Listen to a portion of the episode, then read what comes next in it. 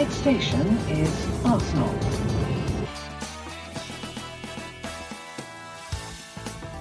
Hjertelig velkommen tilbake til en ny episode av Arsenal Station. Over tre uker siden sist. Jeg heter Simen Goffeng, og i andre enden sitter du, Magnus Johansen. Åssen står det til med deg? Har det veldig bra.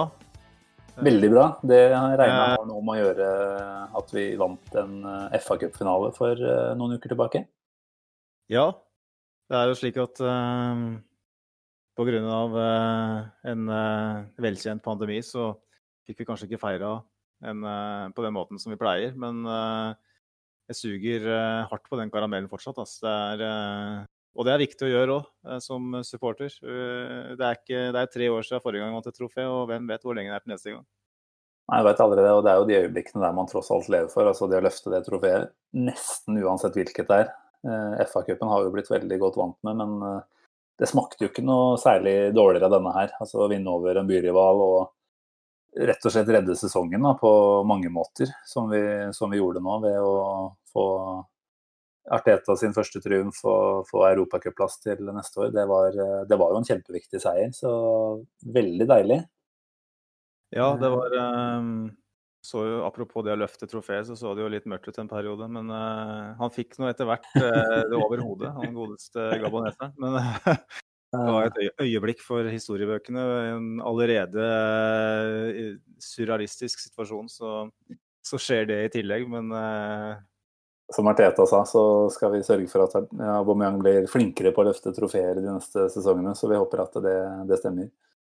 Men uh, var det slik at du fikk sett den uh, kampen et, på en pub i Henningsvær, eller? Nei, vi er jo egentlig ikke inne på det, da. Men nei, det ramla jo dessverre ikke inn med invitasjoner fra lokale folk i Henningsvær. Og Henningsvær en sommerdag i juli, det, det var ikke så lett å finne puber heller.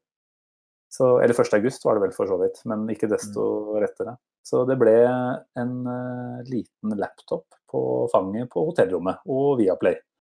Så um, det var vel ikke den opplevelsen uh, som, uh, som, var forrige gang da vi møtte Chelsea i, i 2017. Men uh, den koste meg. Chips og potetgull og nei, chips og øl på sengekanten. Det funka fint, det, altså. Sjøl så, så, hadde jeg jo eh, et stort problem, og det var at jeg skulle gå to mil med sekk dagen etter i, i det som kunne bli sol, for alt jeg visste på det tidspunktet. og hadde tatt med meg en tilmålt mengde med, med øl på den uh, festen jeg var på, med fem-seks andre. og Det ble til at jeg bomma litt øl av andre uh, utpå kvelden, og det ble til at avreisa ble utsatt et par timer på morgenen der. For det, det, det var veldig vanskelig å, å liksom klokka elleve si at nei, nå får vi reise hjem, og festen er over, liksom. Det, det er jo det skal jo ikke krasje. Det skal jo ikke være slik at uh, sommerferieturer uh, krasjer med FA Cup-finaler, men uh, det er uvante tider for oss alle. Ja, jeg må si at Du gjorde det beste ut av situasjonen der. Jeg så jo bildene dine fra den turen, og det så ut som den uka på, i fjellheimen var eh, alfa og omega. Så da ødela ikke den lørdagskvelden altfor mye, i hvert fall. Tre grader og vind og pissregn uh, føltes ikke så ille når du hadde det trofeet friskt i minnet. Altså. Nei. Nei, vi, sikkert, vi kunne ha snakka mye om FA Cup-finalen, men jeg tenker at det skal vi ikke bruke mye tid på i dag. Det er uh, flere uker siden sist, og det har skjedd veldig mye siden da. Altså, det er vel de Premier League-klubbene hvor det omtrent har vært sommerferie på alle fronter fram til nå. Men uh, Arsenal, der har det ikke stått stille. Der uh, har det vært både spillerspekulasjoner ad mass, men det tok jo virkelig fyr nå, da, må vi jo si, de siste dagene hvor eh, det kom fram at Raoul Sanjei er ferdig, rett og slett. Eh, får ikke lov til å fortsette som såkalt head of football. Det kom vel et relativt snilt avskjedsskriv på Arsenal sin hjemmeside, hvor du nesten kunne få inntrykk av at dette var en, en felles forståelse rundt, men det tviler jeg sterkt på. Hva tenker du om at Don Raúl plutselig er ute av eh, klubben? Denne podkasten har jo vært eh, svært kritisk til Don Raúl, så vi kan ikke, kan ikke late som om jeg ikke er fornøyd med det. Men uh, det er klart, uh, timingen på det hele er jo ganske uheldig. midt i et overgangsvindu hvor, hvor Sanjay selv er tungt involvert i veldig viktige deals. da. Eh, ikke minst eh, kontraktsforlenginga til eh, kaptein Aubameyang. Og så vil jo tiden vise hvorvidt det faktisk kommer til å ha noe effekt i, den ene eller andre retningen. Jeg vil jo tro at, at de deala som han initierte, eller var en del av, fortsatt jobbes med. Og det er de signalene vi får òg. Mm. Men det er veldig klønete igjen av Arsenal. og ikke minst eiere. Det er de som har satt i gang den prosessen her med å hente inn en advokat som de er på god fot med. Team Lewis. Ja. Ja la oss starte der, da. Altså, vi skal jo ikke skru klokka lenger tilbake enn 1.7, var det vel, hvor han ble appointa som en såkalt non-executive. Eh, som betyr at han fikk plass på Arsenal sitt, eh, i Arsenal sitt styre. Eh, jobben hans var vel egentlig å eh, gå gjennom eh, egentlig alle deler av klubben for å se hvordan man kunne ja, effektivisere og dra mest mulig ut av uh, en klubb som nå selvfølgelig har lidd ganske kraftig gjennom koronaen. Uh, det var liksom den generelle oppgaven man trodde han skulle få, men det kom vel også da etter hvert fram at han skulle gå Særlig da Raoul eh, litt nærmere etter i sømmene. Dette går vel tilbake til en noe dodgy utarbeidelse av den PP-dealen tilbake i fjor sommer, hvor vi sannsynligvis betalte langt mer enn det vi, vi trengte og burde ha gjort. Eh, ryktene skal vel ha det til at andre klubber som var involvert, eller som var interessert i, i PP i fjor, eh, så på mulighetene for å få han for omtrent halvparten av prisen. Så at vi betalte over 70 millioner pund for han, eh, det var nok kanskje en katalysator som fikk noen varsellamper til å blinke litt hos KSI. Da. Men da tok det jo til tross for det et år nesten før man velger å sette inn en uh, ekstern advokat. Altså man, Tim Lewis her, han sa vel selv at han var Arsenal-fan. Jeg kjenner at akkurat den biten brydde jeg meg lite om. Men uh, han kommer inn, er i, i London i, på, Om han er på Emirates eller hvor han befinner seg når han holder på med dette her, vet jeg ikke. Men seks uker seinere så ruller det et hode. Og da, da lurer jeg litt på ja, så den prosessen her, da, hvordan har, eh, har det egentlig kommet, kommet, til? Hva mer kan du si om det? Nei, altså han øh, Han kappa jo 55 hoder øh, noen dager i forkant der. Mm. Hvor, hvor bl.a. nesten hele speidernettverket ryker. Uh, uh, til tross for at uh, for at spillere vel nærmest ble lova at den lønnskutt Eh, det, lønnskuttet de fikk på 12,5 mm. er for så vidt det de ble enige om med, med klubben. Eh, at det skulle sikre jobber innad i organisasjonen. Og så ryker jo da de 55 hodene eh, i forkant, og klubben eh, presterer å, å, skylde på pandemien, som er ekstremt klønete og mm. egentlig litt forkastelig, rett og slett. Jeg må jo bare si det. Um, og da det store hodet, nummer 56, da rulla for noen dager siden nå, så Det største huet av dem alle? Det største huet av dem alle. Det er head of football. Eh, så er det klart at uh, her har Cronky og co. Vært, vært, ute, og hvorvidt det er på bakgrunn av pandemien, eller om det er noe han ville gjort uansett, det vet jeg ikke. Men det virker jo igjen som Bjarne Baklekse, som jeg skal begynne å kalle Stan Cronky, eh, kommer altfor sent eh, inn. Eh, og ta en avgjørelse som ble tatt for, alt, for veldig lenge siden, så blir det en timing som stinker. Mm. Uh, ny fjær i hatten til, uh, ironisk sett, til, til Stan Cronky sånn sett. Fordi jeg, jeg vil gjerne fjerne Raoul Sané. Jeg er kjempefornøyd med at han er gone, for jeg tror han representerer noe som er helt feil for Arsenal på nåværende tidspunkt. Uh, en litt sånn dodgy dealmaker som har fått altfor mye ansvar uh, uten å ha fotballkompetanse. Uh, å få en sånn rolle da, som head of football er veldig greit at han er borte, men den timingen, det er er noe, noe spesiell. Altså, for alt vi vet, så er det godt mulig at timingen faktisk gjør at vi redder oss unna en ja, La oss si f.eks. en Philip Coutinho, da, som vi har vært uh, lenka mye til. Vi skal jo snakke mer om bl.a. han i overgangsspalten litt seinere. Men uh, vi vet jo ikke helt hvilke dealer uh, Raoul satt og jobba med uh, før han ble fyra nå. så det er godt mulig at det er en blessing in disguise, men det ser jo unektelig veldig klønete ut utenfra. Da. Og det er klart, den involveringa fra KSI har jo vært veldig hands off hele veien, egentlig. Og det er jo i utgangspunktet noe vi som supportere er glade for. For det, det, gjør at de som virkelig drifter klubben på det daglige, de får lov til å jobbe i fred. Eh, I utgangspunktet veldig bra. Men når du har en som Raoul, da, som egentlig bare dukka opp i den rollen sin litt sånn tilfeldig, da etter at uh, Ivan Gazidis uh, dro til AC Milan og både Sané og han Binay Vinkatesham Nå sa jeg sikkert ikke det navnet riktig, men de rykka vel begge da litt fram i, i pekingorderen. Og ble jo sånn tohoda beist som skulle lede klubben. Eh, igjen tilfeldigheter da, som avgjør at han plutselig da sitter med totalansvar, der det vel egentlig var tenkt at han skulle sitte med mer den der deal broker-ansvaret, hvor han eh, skal gjennomføre dealer, ikke finne spillerne og gjennomføre de for.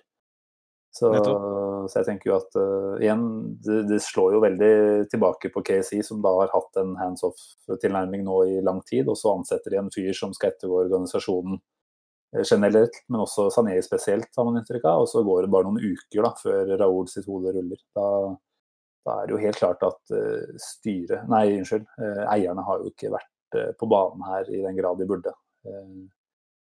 Og, som, som, det har vært snakket om tidligere òg, altså varsellampene gikk eh, kanskje allerede da i fjor vår, når eh, det ble antyda at eh, Sané ønsket eh, å gi, eller tilby ny kontrakt til Una Emery, til tross for at eh, pilene da pekte ganske stupbratt nedover, og eh, en ganske sammensveisa fanskare begynte å gå imot Emery. Da. Så Nei, det er nok, som du sier, et veldig godt valg for Arsenals del, men eh, måten det skjer på og tidspunktet det skjer på, må man kunne være kritisk til. Mm. Eh, og igjen, det, vi vet ikke hvilke følger det hadde fått eh, om han hadde blitt sittende gjennom sommeren og vi hadde fyra han etterpå. Sannsynligvis hadde jo det vært enda verre.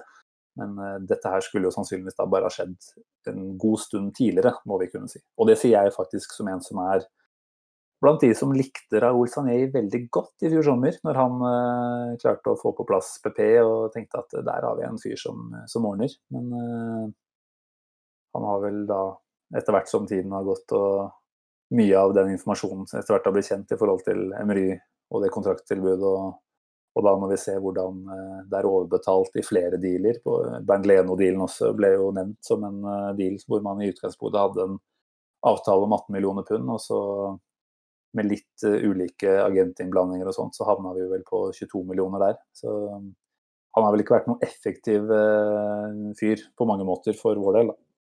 Vi stilte jo en del spørsmålstegn i fjor sommer på hvorfor Arsenal fikk kloa i PP, en spiller mm. som ble linka til, uh, til, Liverpool, til Bayern München. Ja. klubber som er langt bedre plassert. Da. Og um, vi var jo selvfølgelig sjeleglade var det selv òg. Jeg syns det var kjempekult at vi klarte å tiltrekke oss en, en spiller av det kaliberet. Men uh, det er klart, sånn i ettertid så ser du jo at uh, uh, sannsynligvis så handla det om at vi la vesentlig mer på bordet til mm. intermediaries, som de sier, som da fikk en god del av kaka. Det er kompis, kompisdealer hele veien. Det er jo sånn han opererer. og mm som du, jeg var òg relativt positiv til, til, han. Kanskje ikke så positiv i fjor sommer, men jeg var veldig positiv når jeg først kom inn i klubben. For da hadde vi endelig fått en litt sånn moderne struktur eh, etter at Wenger hadde vært eh, Gud Jesus og Den hellige ånd i 20 år. Mm. Så fikk vi liksom på plass eh, ulike profiler i, i, i, roller som gjorde at eh, at en, en hovedtrener da, vil ha, uh, ha, sitt fokus på, på laget uh, i mye større grad, og ikke sitte og, og trekke tråder i alle retninger, sånn at nærmest fokuset blir uh, nesten tatt bort fra det sportslige. så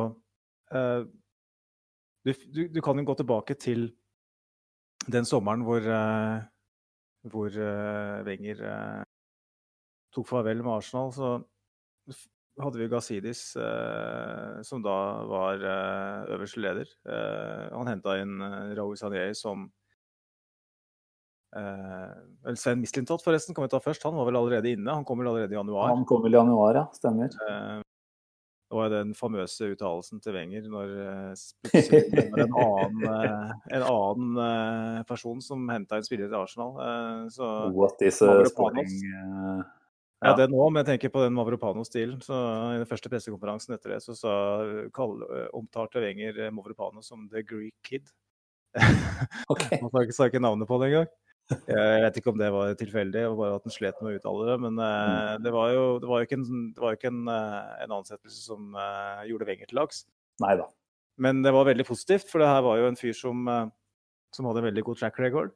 Mm. Så fikk vi inn Sanieri fra Barcelona, som eh, har kontakter over hele fotballverden, som kan få avtaler i, i havn som kanskje vi ikke er i stand til. Har eh, direkte linje til eh, alle de store agenter.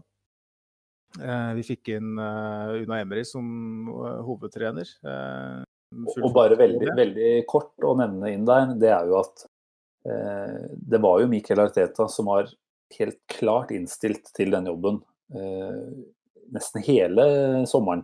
Og så kuppa jo sannsynligvis da Sané i den avgjørelsen. Eh, jeg tror jo inntrykket som jeg satt igjen med da, og mener å huske at stemmer, var at Gazidis hadde jo sett seg ut Arteta. Arteta var jo klar, han hadde vel sett på hus i London og alt var egentlig klappa og klart. Så er det vel Sanieis eh, forhold til agenten, husker ikke helt, var det Arturo Canales eller noe sånt? Som, eh, som eh, også da ble hyra inn i den, eh, eller den jobben der med Emery, og plutselig så var det Emery som hadde fått, fått sjefsstolen allikevel. Noe vi for så vidt der og da kunne se logisk på, fordi vi har en relativt proven uh, trener som passa godt inn i godt inn i den uh, si, tiden Arsenal var i der, med Europaliga og noe mer utfordrerposisjon. Det var jo det han var vant til fra Spania. Men, eh, Ja. men allerede der så så vi jo da sannsynligvis en Sanei som kom inn og overstyrte og styrte showet. da. I alle fall, da, som, som du nevner, eh, Una Emery eh, på det tidspunktet kunne jo eh, for så vidt eh, gi mening, eh, ut ifra hvor vi var som klubb. Eh, men i alle fall så hadde du da, i tillegg til han Husfami, da, som kom fra Team Sky, han som er kontraktsguru, er det eh, gjerne blir kalt i, i media. Uh, så du hadde liksom en en sammensetning av typer som gjorde at du tenkte at det her er, virker veldig gunstig. Mm. Og nå er så- vi to år senere, så er uh, Husfami er der. gu- Kontraktsguruen han fortsetter å, å styre, men ellers så er alle borte. Mm. Alle er borte. Så har det kommet ett tillegg til, og det er du. Ja, nei, eh, jeg tenker jo at eh, vi ønska jo at det eh, opplegget som var da Wenger gikk mot slutten Vi ønska jo at dette skulle rives ned, og at vi skulle bygge opp noe skikkelig fra bunnen av. Og på papiret så så det jo egentlig ganske bra ut. Altså du hadde Ok, du hadde kanskje et hode for mye, det er vanskelig å si det. Fordi du får en litt sånn der diffus innblanding og sammenblanding av roller. Men, eh, men på papiret så så det i hvert fall ut som en gjeng som kunne utføre og utøve veldig mye gode avgjørelser. Um, og så har det jo, som du sier, da to år etterpå vist seg å ikke stemme i det hele tatt. Nei, og vi var veldig happy på det tidspunktet om at den gamle strukturen var, eh, eh, var historie. For vi var jo veldig opptatt av at, at den var veldig utdatert. Eh, det å ha en, eh, en manager som styrer, styrer alt, det er, det er gammeldags. Um, og vi kunne jo forvente at det ville være et maktvakuum, at det ville være kontroverser og stridigheter innad i klubben. Det er ingen overraskelse. Men at vi to år etterpå nesten er tilbake til start. Vi har jo fått eh, et eh, lytterspørsmål på, på Facebook.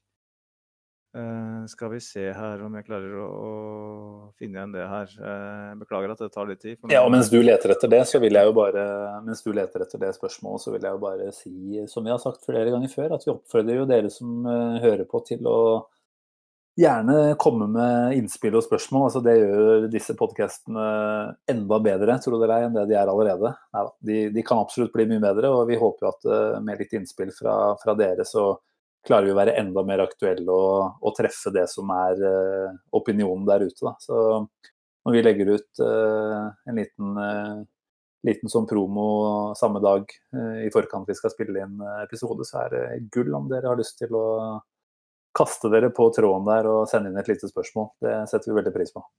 Mm. Har du funnet det fram? Det har jeg, vet du. Um, og det er jo relatert til det vi nettopp snakka om. Uh, Artetas uh, rolle uh, som headcoach. Um, spørsmålet er jo fra Jon Vegard Toreby. Nå som Don Raoul har forsvunnet, vil da Arteta bli manager fremfor headcoach? Og det er det spørsmålet vi egentlig stiller oss òg. Jeg kan jo svare veldig kort på det. På papiret nei. Uh, I praksis ja. Og jeg tror faktisk, hvis jeg husker riktig, det var noe vi faktisk tematiserte i første pod. Uh, ikke at vi har en så lang karriere bak oss, men jeg tror vår første sending så var det et poeng som, som ble tatt opp, at her kommer det inn en trenertype som sannsynligvis ikke tillater å være kun en headcoach. Altså han, han, kommer sannsynligvis til å kreve mer å ha mer å si enn, enn det Emery på noe tidspunkt OK, kanskje han krevde det, men han ble i hvert fall ikke hørt. Eh, Arteta har, som det ser ut nå, en helt annen autoritet, og jeg tror han eh, lar seg ikke pille på nesen. og ligner nå i så måte noe mer på Wenger enn det, enn det vi kanskje har sett for oss. Men men ja, jeg må nok si at uh, jeg tror funksjonen hans, uh, særlig den setupen vi har nå, med egentlig bare en Edu som teknisk direktør eh, ved siden av, så er det nok veldig mange avgjørelser som havner på bordet til Arteta til slutten. Altså. Det, det tror jeg. Hva tenker du om det? Kan jo gå helt tilbake til første intervjuet som ble publisert på, på hjemmesida til klubben etter at han signerte. så ble vel alle egentlig fullstendig trollbundet og bergtatt og hele pakka. Det var jo han, han, kommuniserer jo på en måte som gjør at du Ja. Eh, du begynner jo å tilbe en allerede der. Eh, mm. Og jeg føler jo at innad i klubben så er det litt på samme måte. Han, eh, han er et naturlig samlingspunkt, en naturlig leder, som jeg tipper at de som sitter i styre og stell og, og ser til, og, og, og nærmest eh, erkjenner at han er faktisk mer kompetent enn oss på det aller, aller meste. Sånn sett er det naturlig at han mm. tar de avgjørelsene. Men jeg tror ikke at det er sunt at Arteta får så mye makt, hvis det er sånn. Og det er ikke sånn at det er han, som, han sjøl heller som har bedt om det, men pga. alle de omstendighetene så, så, så, har det på en måte blitt sånn. Da. Så får vi, mm. heller, får vi se da, om det skjer noe i løpet av uh, de neste par månedene. Om kanskje det kommer inn noen, noen nye folk. Men ja per nå så virker det som det er han som er øh, øverst leder i veldig mange ting. Du har, har Edu rett over han, som har veldig begrensa med erfaring fra en toppklubb på den måten. Han var jo Korintians, ja. Han har vært i Brasils landslag, ja. Men som ikke er relaterbart i det hele tatt. Altså den, mm. den posisjonen hans på landslaget i Brasil, den, den er verdt null og niks omtrent i, i, den rollen han sitter i nå som Arsenal. Altså selvfølgelig, du har for så vidt mange spillere å plukke fra på det brasilianske landslaget, men det er ikke i nærheten av den samme si, planleggingsjobben som skal gjøres der i forhold til å bygge lag og bygge klubb da, på et uh, litt lengre perspektiv. Så jeg må jo si at ja, Edu er nok over Arteta på papiret, men igjen i praksis så ser jeg jo for meg at Arteta er uh, det er der eh, ansvaret stopper, da. Eller det er der avgjørelsene stopper. Det er der det blir tatt avgjørelser. Og det, ja, det, er, det er ikke sunt. Jeg, det er ikke sunt. Du har klart nei, jeg, jeg at, uh, Den dagen uh, vi den kommer. Ja, så jeg tenker det lenger er rett mann, da. Uh, det kan være om ett år. Det kan være om fem år. Det vet vi ikke. Men på det tidspunktet, hva slags struktur har vi da til å takle den overgangen? Skal vi da bli et Eh, et Manchester United som eh, eller hva kan si, i forkant av Solskjær-ansettelsen, som, som, bytter er helt i villfarelse og bytter manager som har, står for en helt annen filosofi enn forgjengeren, som gjør at du må bytte ut halve spillestallen for å mm. blidgjøre den nye. seg. Ikke sant? Eh, nå er det viktig at eh, Arteta han eh, harmonerer jo veldig med det vi som supportere mener at Arsenal skal være. Men hvis alt går eh, til, sk til skogs, alt går til helvete, Mm. Så kan det hende at vi mener noe helt annet om Teta om et år eller to. Altså, la oss være da, da, da, da sier vi at vi- nå må vi få inn en mer kynisk type. ikke sant? Og Det, det, det, er, her vi har, det er her det skurrer. da. da Ja, du må ha strukturen som gjør at, eh, at han ikke blir uh, helt uunnværlig. At Mm. det å bytte en hovedtrener ikke er, betyr at du må velte om på, på, på hele klubben. Nei, du er ivrig på pratinga i dag. Jeg kommer jo ikke til her, jeg. Men eh, Nei, det er ikke noen tvil om at det er veldig sårbart. Og jeg, altså, vi supportere vi er ganske enkle, er vi ikke det? Altså, når det går bra, så, så er vi med, og vi kjøper alt som blir sagt. Eh, nå har det gått stort sett ganske bra, og så ble det avslutta på en skikkelig høydare. Og da, da er vi Team Arteta alle mann. Eh, og særlig med hans eh, historikk som Arsenal-spiller og kaptein. Men eh, la oss si da at vi starter eh, neste sesong med fem kamper uten seier. Da kommer spørsmål, spørsmålet med én eneste gang.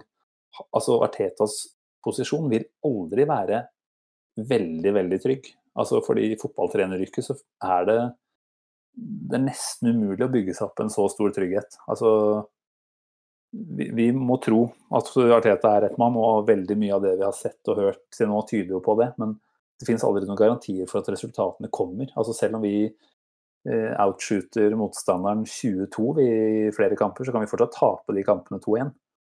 Og når vi gjør det, eller ikke vinner de kampene vi skulle vunnet, så kommer de spørsmålene til å komme. Og da, da er det egentlig helt sjanseløst at det er Arteta som har eh, fått lov til å ha siste ordet, i hvert fall, når det kommer til eh, hvem som skal eh, være en del, av denne, en del av dette laget. Jeg er veldig for at hans uh, synspunkter skal komme fram, og noe annet enn det ville også vært helt feil. Men det er ikke han som kan sitte der med det uh, endelige ansvaret til slutt, altså. Så jeg håper, som du sa her i stad, at det kommer inn et nytt hode. Uh, igjen, hva skal man kalle den? Litt usikker på det, og hvem skal det være? Helt umulig å si. Altså, vi har jo da hatt en mislintatt i et halvt år, fram til vi henta inn en Raoul Sanehi som var De var jo på hva skal vi si, på helt forskjellige planeter hva gjaldt uh, klubbutviklingstenking. Og det tenker jeg jo igjen sier mye om uh, hva de eierne våre uh, har for innsikt. Så jeg må si at akkurat sånn som det ser ut nå, så er det, det er et vakuum igjen da, i Arsenal. Og det, det er dumt hvis ikke det fylles. Jeg har eh, lyst og jeg har veldig tro på Arteta. og Ingenting hadde vært bedre enn at han får lov til å plukke spillere omtrent og få resultatene som han trenger da, til å fortsette prosjektet sitt. Men den garantien der vil aldri finnes. Og da, da kan vi ikke la det være sånn at det er han som blir eh, ja, nesten en ny Wenger, som rett og slett eh, ikke lar seg sparke eller sende på dør fordi vi er blitt for avhengig av den. Nei, og det er klart Det scenarioet eh, du skisserer der, som er veldig sannsynlig på sikt at På et eller annet tidspunkt så er Arteta feil mann. Eh, det er jo én ting. Og en annen ting er jo at eh, per nå så har vi kvitta oss med Sven Mislintat, som var hva skal jeg si, ja, den virkelig spennende rekrutteringsansvarlige som vi ønska oss. Um, vi har kvitta oss med Raoul Saneli, som har kontaktnettverket sitt. Vi har kvitta oss med nesten hele speidernettverket, inkludert han godeste Francis Cageao, som har vært i klubben i godt over 20 år, så vidt meg bekjent. Han er jo ansvarlig for Fabrega-stilen, annet. Uh, vi har kvitta oss med Ja, vi sitter jo for så vidt igjen med noen speidere i Sør-Amerika, sånn jeg forsto det. Vi sitter igjen med Edu. Vi sitter igjen med Ariteta. Vi sitter igjen med Vinay. Men han, han har jo Nei, han er, han er jo en, eh, han er jo en businessmann, eh, enkelt og greit. Så han er jo nå vår, vår Ed Woodward, rett og slett. Eh, Heldigvis så har vi en Edu i tillegg, der United faktisk ikke har hatt noen særlig andre. Men, eh, men jeg tenker at det er, det er i tynneste laget. Men vi har jo i tillegg så eh, eide vel Arsenal eh, det derre Stat DNA-kompaniet, eh, som etter hvert solgte for et par år tilbake. hvor òg han eh, Jason Rosenwelt, som var ansatt i klubben, som var foregangsfigur for det, og har blitt avskjediget i klubben i løpet av det siste året eller to. Jeg er ikke helt sikker på når han forsvant. Men poenget mitt er hvem, hva, hva, er strategien med tanke på rekruttering nå? Ja, vi har en del dealer som vi jobber med, som vi har åpenbart planlagt. Men hva, hva er planen? Vi kan, vi kan, ikke ha det sånn at at Arteta skal uh, selv uh, plukke ut de spillere han ønsker seg. Ja, han kan selvfølgelig ønske seg noen spillere som han kjenner, men han har jo ikke verken tid eller ressurser til å, å sitte og følge med på uh, hva en sentral midtbanespiller, en høyreback i, i Sør-Amerika eller i, i Canada eller i Sverige holder på med. Så for meg så er det, det er så mange spørsmål. Da. Jeg, mm. og jeg bare håper at Arsenal har en plan. Men kjenner jeg Arsenal rett, så har vi ingen plan. Kjenner du Stan Cronky og co. rett, så stemmer nok det. Det er jo de som nå de siste 15 årene har bevist gang på gang at eh, veien blir til underveis, og man tar det litt sånn eh, litt ettersom ting skjer, da. Altså Arsenal som klubb er jo på en måte nå nesten et resultat av tilfeldigheter, ikke sant. Det er jo ikke noe utarbeida og gjennomarbeida langtidsplan som har uh, på noen som helst tidspunkt vært Ok, jo, det har vel kanskje vært en plan på papiret, men utøvelsen har jo aldri blitt noe av. Og vi sitter jo med en spillerstall som på en måte er hanka inn litt her og der, litt på måfå. Litt tilfeldigheter. Vi sitter da med en Arteta som kanskje skulle vært eh, manageren vår et år tidligere, men som ikke ble det av da noen tilfeldigheter igjen. Eh, tilfeldig igjen kanskje at han faktisk fikk jobben. Eh, jeg vet ikke helt hvor mange andre kandidater som var aktuelle på det tidspunktet der, men, eh, men nei, det var kanskje ikke så mange andre. Men, eh, men det jeg føler er jo at det fins ikke noen plan. Og det er hva skal man si? Det er en Vinay nå da, som bare har rykka opp to ganger, og plutselig sitter han og er den store lederen av Arsenal Football Club han har vært i klubben i mange år, han, så han har sikkert et uh, relativt brennende Arsenal-hjerte. Men uh, igjen, det er tilfeldig hvorfor det blir som det blir. Og det, det kan man umulig bli beroliget av. da. Nettopp. og Essensen her er jo eiere. Og jeg har vært kritisk til uh, eh, KSI veldig, veldig lenge. Uh, jeg var kritisk til KSI når uh, når de lot Arsen Wenger sitte sikkert tre-fire år eh, for lenge igjen uten en plan, i en hands off eh, approach, som er gjennomgangsmelodien. Mm. Og det, jo, det, handler jo på en måte om å ha litt flaks, da. For det er klart, hvis uh, KAC uh, ved en tilfeldigvis snubler over uh, et par executive som virkelig hva skal jeg si, tar ansvar og, og, og styrer den skuta uten at Cronky trenger å, å, involvere seg, så kommer det til å mm. gå kjempebra. Men vi kan ikke være bekjent av å ha en eier som eh, holder på på den måten der. Han eh, neglisjerer klubben fullstendig. Han, han uh, lar ting skure og gå helt til det kommer til et punkt hvor vi må gjøre noe. og mm. Per nå så er vi jo på en måte en, et slags prototype på hvordan ikke drive en fotballklubb. Uh, Nei, vi er jo et, uh, vi er jo et sånn derre sideprosjektet hans, det er det jo ikke noe tvil om at vi er. Han har jo mer enn nok å passe på borte i Statene. og Det er jo ikke noe tvil om at vi gjerne skulle sett at vi ble solgt. Så enkelt kan vi vel også si det, men jeg tviler vel på at han uh, ser for seg et salg av Arsenal. Det er klart det er en uh, tung tid for hans del med den stadionutbygginga i, i LA, så vi kan sikkert håpe, men jeg tviler vel på at det skjer noe der med det første. Eh, du snakka om executive, så da vil jeg bare nevne kort at han godeste David O'Leary var jo oppe som et ganske hett navn til å få en plass i Arsenal-styret nå i sommer som var. Eh, der det var vel Raoul Sagné selv som uh, satte foten ned og sa at det ønska han ikke. Var vel, vet ikke, kanskje litt redd for en, en mann med David O'Learys særlig track, eller CV. Jeg tenker at Han har jo ikke så veldig mye å vise til de siste årene i en fotballsammenheng, men han klart mestspillende Arsenal uh, gjennom tidene. Og ville nok kanskje kunne hatt en, en litt uh, sterkere stemme enn andre i det styret der. Da. Så det blir spennende å se om han er en mann som kan være aktuell for en plass i styret nå.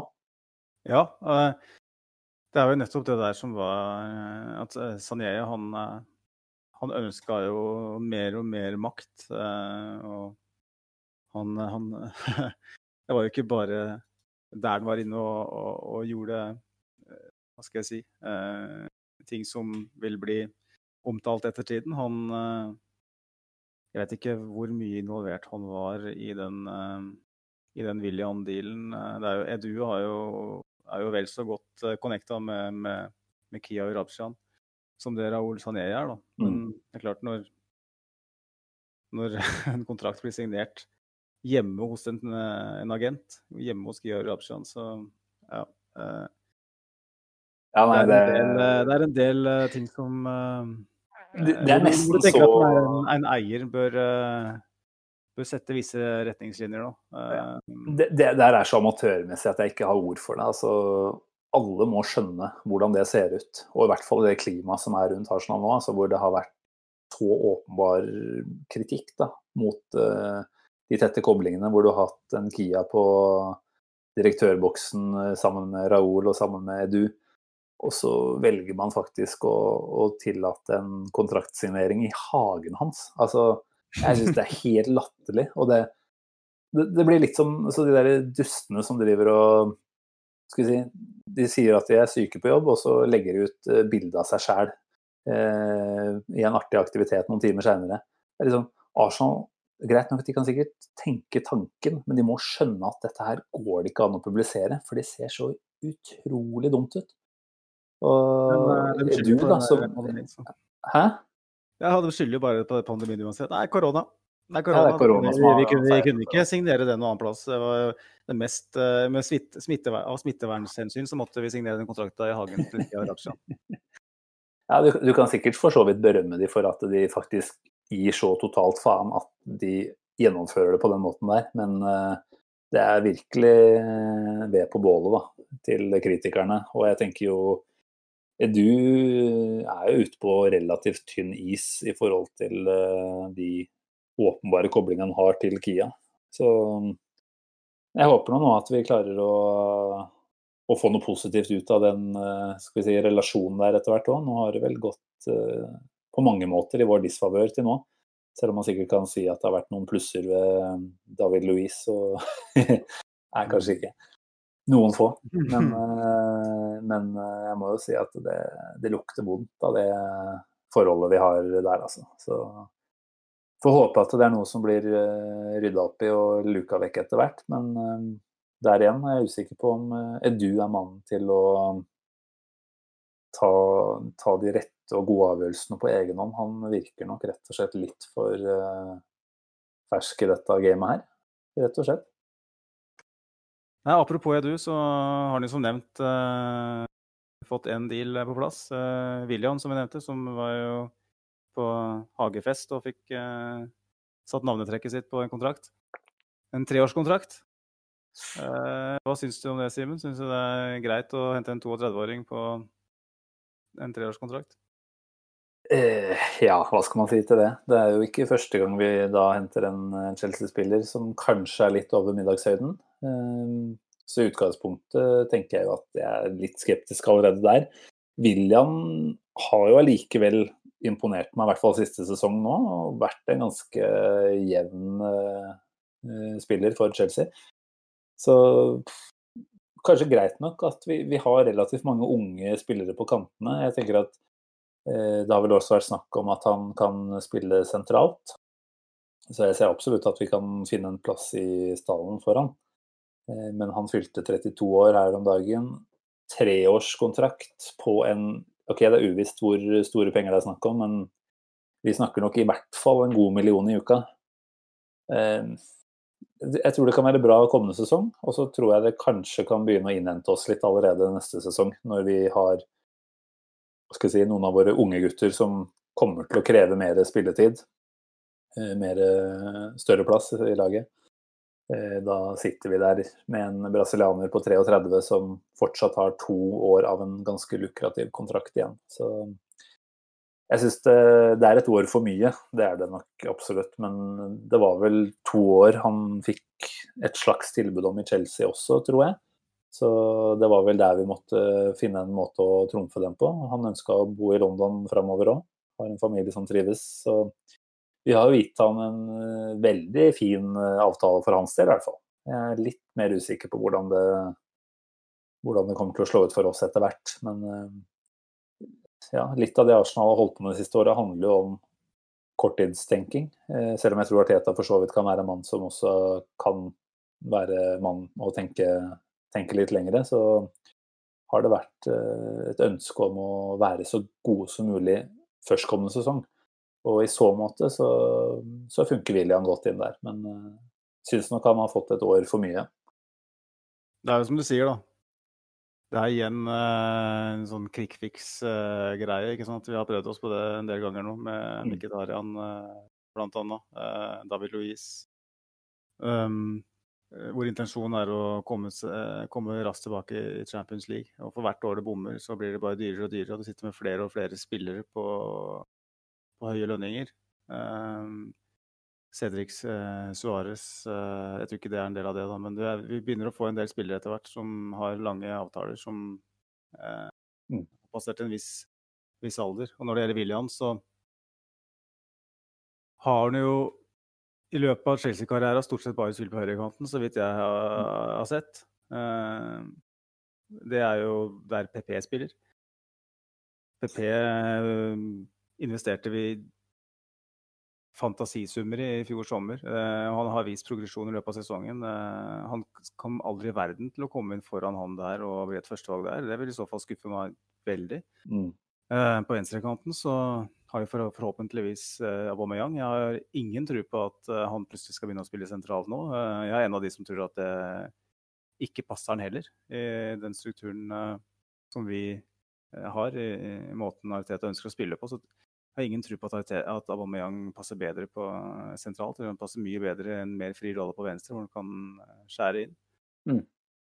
Uh, og da står du på en måte igjen med en, en rolle mer sentralt, en tierrolle kanskje, uh, som man tidlig i karrieren uh, har spilt, men veldig lenge siden. Uh, Ariteta nevner jo i intervjuet etter han signerte at han er veldig god i, hva kaller det, short spaces osv., hvor hvor han kan, han kan skape ting eh, eh, ved teknikk med, med, fotarbeid, med hva skal jeg si, eh, Spillerforståelse, blikk for spillet osv. Men vi har jo lite bevis på at han, han funker en, en, en, sånn rolle. og Sånn sett må vi bare stole på Ariteta, eh, mm. hvis, hvis, hvis, det er tanken. Men jeg, jeg, jeg, ser jo ikke helt at det er en kantspiller vi først og fremst uh, trenger. Uh, det virker, har de, har de ikke vært sånn i alle år, da?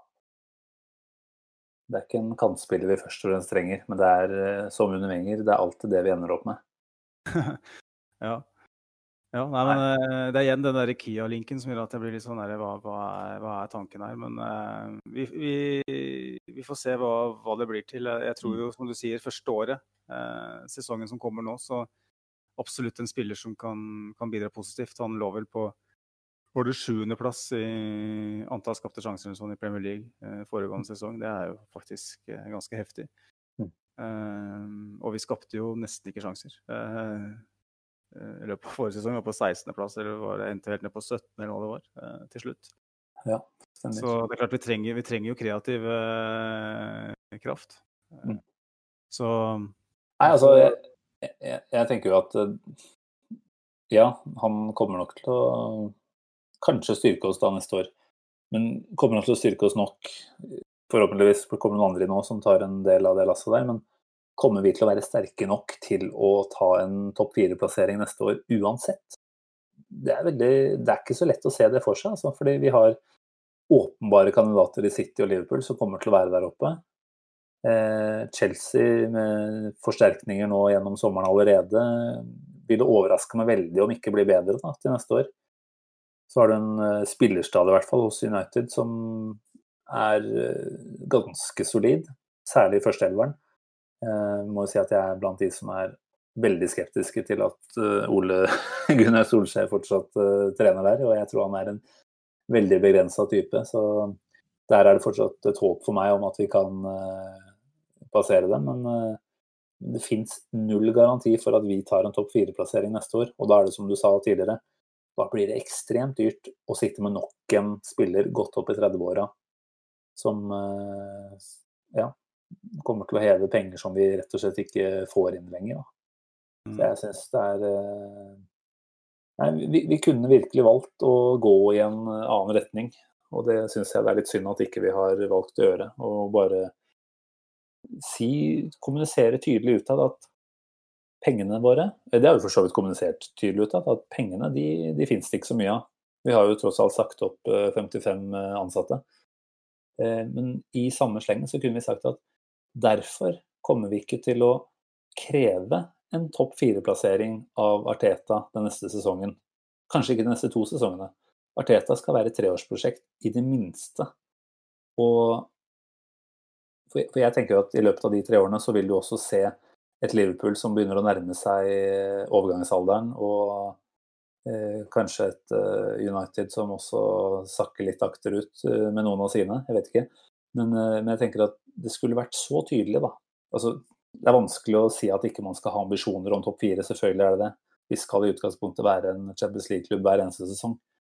Men uh, det blir en sånn mellomting da nok en gang, som jeg tror kommer til å bite oss i ræva ganske fort, hvis ikke neste sesong blir, blir, som vi håper. Jeg tror ikke du klarer å selge inn det til, til Aubameyang og eventuelt andre litt større spillere. At nei, vi skal vi har ikke ambisjoner om å, å eller altså Det er ikke noe krav at vi skal kvalifisere oss til Champions League eh, neste to sesonger. og jeg tror Samtidig tror jeg det er viktig å tenke, som du, som du nevner, at, eh, at, ja, på papiret så ser det ut som det er vanskelig å ta seg inn i Champions League, men Solskjær, som du sier, ikke nødvendigvis eh, rett mann for United. Kanskje skjer det noe der i løpet av neste sesong. Frank Lampard, eh, enda større grad i mine øyne. I hvert mm. fall per mann for Chelsea. Uh, de har uh, brukt masse penger, og de kommer til å hente enda flere spillere. Det er snakk om uh, Chilwell og Kai Havertz i tillegg til Siertz og Timo Werner, som allerede er signert. Uh, de kommer til å få et kjempesterkt lag, men når vi kommer til jul og de ligger sju-åtte poeng bak tredjeplassen, så får han sparken, og så blir det på en måte en mellomsesong før de igjen kanskje kan Sånn er det med Chelsea, og jeg, jeg tror ikke Frank Lampard er rett mann. Så det kan, det kan, åpne seg en plass der eh, for Arsenal. Men eh, det er ikke dermed sagt at det er rett av oss å signere flere spillere på 30 med tre-fireårskontrakter. Fordi det er noe med å eh, ikke fullstendig eh, låse seg til eh, en spillerstall, sånn som vi tidligere har gjort tidligere. Sånn at vi, handlingsrommet blir dårlig. Nei da, vi, vi, var jo inne på det i forrige podkast hvor uh, låst vi er til en spiller som Mesut Özil. Uh, uten at vi skal bruke Vi skal ikke bruke et sekund mer på det. Det eneste vi kan si om den forrige podkasten her, for så vidt, er jo at det kom mange reaksjoner, uh, noe vi syntes var veldig kult, på forskjellige karakterer. Uh, så det var, det var, faktisk veldig gøy, og mye fine diskusjoner med, med flere på både Facebook og, og også face to face på noe uenigheter, kan man jo si, på flere av spillerne. Og Øtzil var jo en som gikk igjen når det kom til karaktersettinga. Det var ikke alle som var helt, helt enig i vår vurdering av han, og det, det er helt fair, det. er altså. Veldig kult at man uh, sier hva man tenker der. Men uh, sorry, vi bruker ikke mer tid på Øtzil. Poenget var at vi har låst oss til høye, høye lønninger før, og vi gjør det nå sannsynligvis igjen, da. Mm. Mm. Ja, nei, vi får bare vente i spenning på å se hvordan dette her går. Arteta er vel, er vel rette mannen, det er vi vel ganske enige om enn så lenge. Så får vi se hvor lenge det varer. ja, det var det, da. Det er tap i åpningsrunden eh, mot et, eh, med null skudd på mål mot et båndlag, så er vel hylekor i gang. Men eh, jeg tror at Arteta har en helt annen, får en mm. helt annen tålmodighet fra oss enn det enn det andre. Han har kjøpt seg masse tid med ja. det han har gjort så langt. og Det, det, det handler faktisk mindre om det FA Cup-trofeet uh, enn det kanskje mange tenker, tror jeg. Da. Jeg tror det handler aller mest om måten han uh, fremstår på. Og ting han sier og måten spillerne omtaler han osv. Som gjør at du tenker at OK, om vi går på noen landminer her og der, så uh, er intensjonen der, så er filosofien der, som, som gjør at i det minste så, så, gir vi den tida han trenger til å oppnå det han ønsker. Og på det tidspunktet hvor, hvor vi forstår at han ikke er rett mann, så mm. eh, håper jeg at det blir en respektfull eh, avskjed. Eh, vi har jo snakka litt om det der, men eh, jeg håper at og tror at han kommer til å få, få tid og, og tålmodighet fra, fra, oss. Ja, helt enig. Jeg tenker det er et fint sted å avslutte første del av podkasten her. Ja. Så tar vi en kjapp pause, og så kommer vi tilbake med overgangsspalten vår veldig snart. Straks tilbake.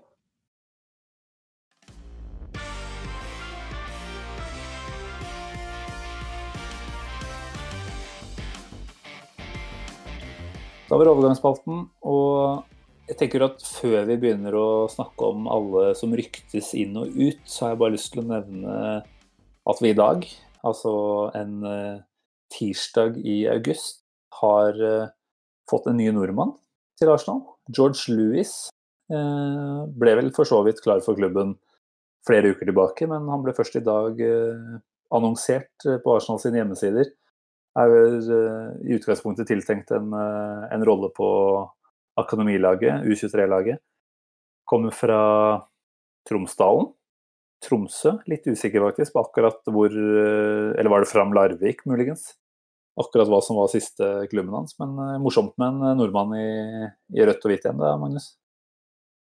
Ja, kom han ikke fra Tromsø? Da var det ikke der han var Det var muligens Tromsø. At det bare var utlån disse andre stedene. Stemmer. Så, um, det er vel en spiller som uh, ikke nødvendigvis er uh, tiltenkt noen førstelagsrolle men aller først, eller på sikt, fra alt jeg vet. Uh, kommer jo gratis. Um, har vel ikke, sånn jeg har forstått det, gjort det sånn stikkvekkende godt i lavere divisjoner i Norge. Men en spiller som har ekstremferdigheter, som kan gå inn i det U23-laget, være en del av Checker Trade Trophy laget og eh, kanskje videre med litt erfaring, rett og slett, eh, for de som eventuelt er noe yngre der. Eh, mm. Nei, vi, ser jo en litt, vi ser jo en litt gjennomført tilnærming nå til, til, måten å styre dette akademilaget på. Altså det er en Tottenham-stopper, husker dessverre ikke helt navnet, som kom på en free transfer nå nylig. Og så var det vel også en tredjemann i 20-åra, akkurat 20 kanskje, som dukka opp her nå for noen dager siden. Så det er jo Jonathan uh, Dinseye som kommer fra Tottenham. Uh, den nye Saul Campbell. Den nye Saul Campbell, ja. Det, det tror jeg nok. Og så har vi henta Akinola, er det ikke det? Fra Huddersfield, hvor kontrakta gikk ut der. Uh, defensiv midtbanespiller. Da har du bedre kontroll enn meg. Men det er jo helt klart som du sier at dette er spillere som er tiltenkt en, en rolle på U23. Eh, hentes for tilnærma ingenting. Eh, sånn sett veldig lite å tape. Det gjør at det er eh, enda lettere å, å sende de spillerne vi kanskje har enda mer tro på, på utlån. Vi har jo sett Zack Medley stikke på utlån til Kan du hjelpe meg der? Hvor var det han dro hen? Husker ikke helt. Gillingham. Eh, Gillingham var det. Vi så jo da Ja, var det ikke også han Tulaji Bola som dro til samme klubb? Og så dro vel Matt Smith, som nå er fersk FA Cup-vinner eh, til eh, Swindon. Så da trengs det forsterkninger på U23-laget, rett og slett. Så spillere som vi henter inn eh, nesten gratis. Og i beste fall så får de opptredener på A-laget, og eventuelt så kan man selge de av gårde for en, for en liten sum penger. Og i verste fall så blir det ikke noe av de, og så sier vi takk og farvel etter et par år. Så det er moro uansett. Ja, det er jo en litt uh, ny greie, det her. Uh, å hente inn spillere i det segmentet, men uh, lite risiko, så potensielt stor gevinst. Så og så kan vi vel ikke stikke under en stol at nevnte George Louis også da har Han har vel opphavs... ikke opphav, opprinnelsesland fra Ruanda. Så om det er en slags eh, gimmick her med vår eh, sponsor Visit Rwanda som vi har i tankene, det, det ville jo ikke overraska meg så veldig. Eh. Det var det, det var det, første jeg tenkte, jeg må innrømme det. Men ettersom det har kommet et par andre i tillegg nå med annen etnisitet, så gjør det at jeg er mer usikker på om, det ligger noe i det. Men uansett så det blir spennende å se hva han kan utrette. Ja, jeg tenker det, det er en nordmann i Arsenal, det er alltid kult. Håvard Nordtveit, som det var ganske mye oppmerksomhet og prat rundt, fikk vel faktisk ingen A-lagsopptredener for Arsenal. Eh, Så jeg er faktisk villig til å sette senterspenn, i hvert fall på at eh, George Lewis får den ene A-lagsopptredenen på et eller annet tidspunkt. Om det blir en ligacupkamp eh, mot et lag fra lavere divisjoner, så bryr jeg meg ikke om det. Det hadde vært kult å se han eh, på førstelaget ved en anledning, i hvert fall. Ja, det er vel første sida på Lydersen i så fall, er det ikke det? det Jo. Det stemmer, det. Vi har ikke vært bortskjemt til det. Så det er klart, eh, fra et eh, norsk perspektiv så hadde det vært det virkelig store om vi hadde fått en Og vi ser allerede i dag at VG og Aftenposten kjører saker på George Lewis. Og oppmerksomhet rundt, rundt Arsenal, det syns vi alltid er morsomt. Særlig når det kommer i, i den formen her. Så vi, vi krysser fingra for han. Men eh, nå brukte vi jo deler av spalten på å prate om en som allerede har eh, signert. Skal vi hoppe over til noen av de hvor vi ikke er like sikre? Du kan jo få plukke første navn fra treet. Da begynner jeg med en eh, potensielt utgående. Ja. Det er trist. En, men få med eh, det.